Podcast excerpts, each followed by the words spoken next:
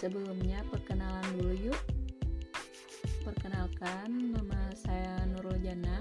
Saya merupakan mahasiswi semester 5 Ilmu Pemerintahan Fakultas Ilmu Sosial dan Ilmu Politik Universitas Lambung Mangkurat. Adapun podcast ini merupakan tugas yang diberikan dosen di mata kuliah Tata Kelola Keuangan Pemerintahan.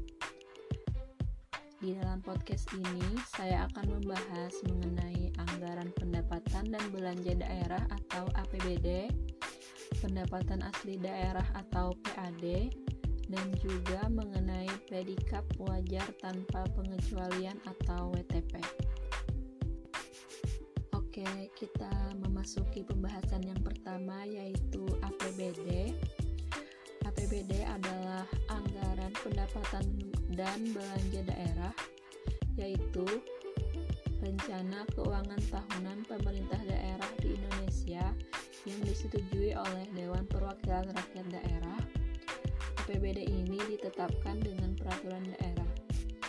Adapun tahun anggaran APBD meliputi masa satu tahun mulai dari tanggal 1 Januari sampai dengan tanggal 31 Desember. Adapun fungsi anggaran pendapatan dan belanja daerah ini ada enam, yaitu yang pertama adalah fungsi otoritas, yang kedua adalah fungsi perencanaan, yang ketiga adalah fungsi pengawasan, yang keempat adalah fungsi alokasi dan yang kelima adalah fungsi distribusi dan yang terakhir adalah fungsi stabilitas. Adapun mekanisme penyusunan APBD adalah sebagai berikut yaitu yang pertama adalah pemerintah daerah menyusun APBD terlebih dahulu.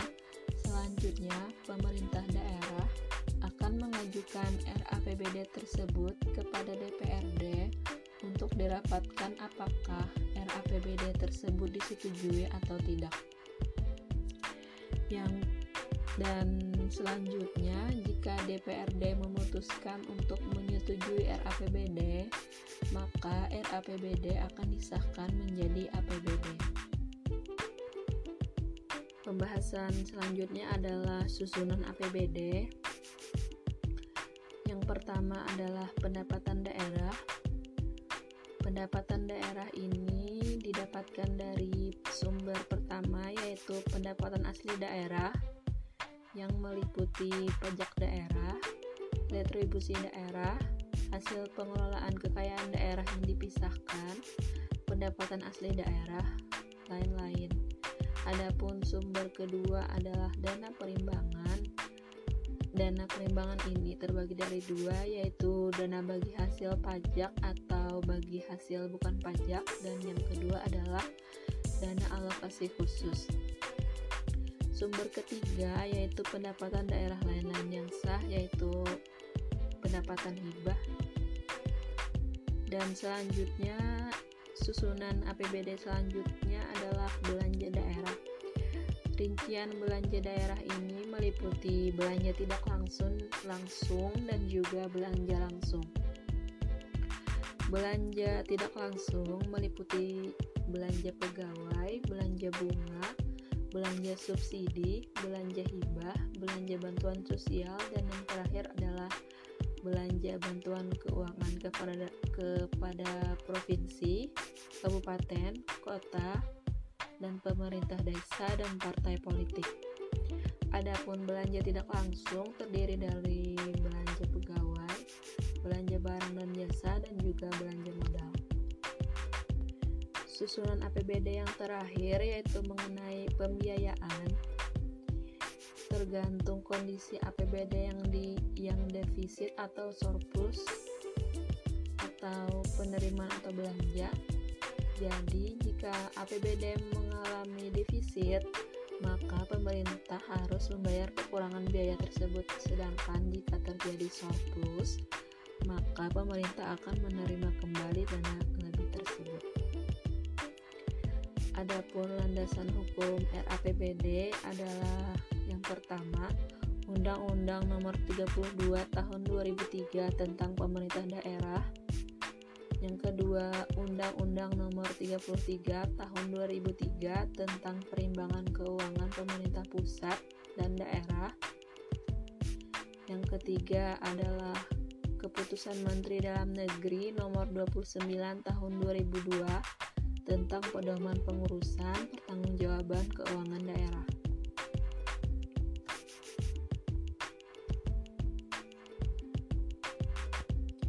Kita memasuki pembahasan kedua yaitu mengenai pendapatan asli daerah atau PAD. Pendapatan asli daerah atau PAD sendiri merupakan pendapatan yang diperoleh daerah yang dipungut berdasarkan peraturan daerah sesuai dengan peraturan perundang-undangan. PAD ini bertujuan memberikan kewenangan kepada pemerintah daerah untuk mendanai pelaksanaan otonomi daerah sesuai dengan potensi daerah sebagai perwujudan desentralisasi. PAD Kabupaten saya sendiri yaitu Kabupaten Balangan yaitu mengenai pajak daerah, distribusi daerah, kekayaan daerah yang dipisahkan juga lain-lain pendapatan daerah yang sah. Adapun PAD yang dimiliki Kabupaten Balangan adalah kurang lebih 68 miliar. Mengenai kekayaan alam di Kabupaten Balangan, Kabupaten Balangan memiliki hampir semua sumber daya alam strategis antara lain tambang batu bara, biji besi, minyak bumi, emas, marmer, galianse, serta batu gamping.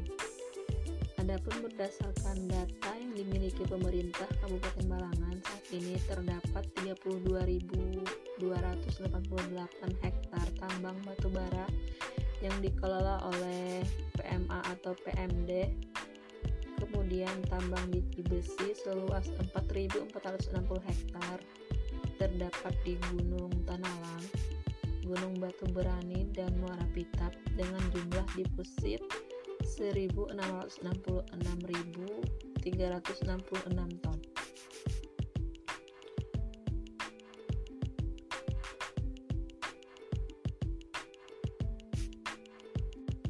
Kabupaten Balangan sendiri bukanlah daerah yang miskin. Kita salah satu kabupaten dengan lahan tambang batu bara terbesar di Kalimantan. Dari lahan tambang batu bara yang dikelola oleh PT Adaro dan rekan kerjanya, kita belum maksimal merealisasikan pendapatan pajak serta rea, serta royalti yang sesuai. Oke, lanjut ke pembahasan yang terakhir yaitu mengenai predikat wajar tanpa pengecualian atau WTP.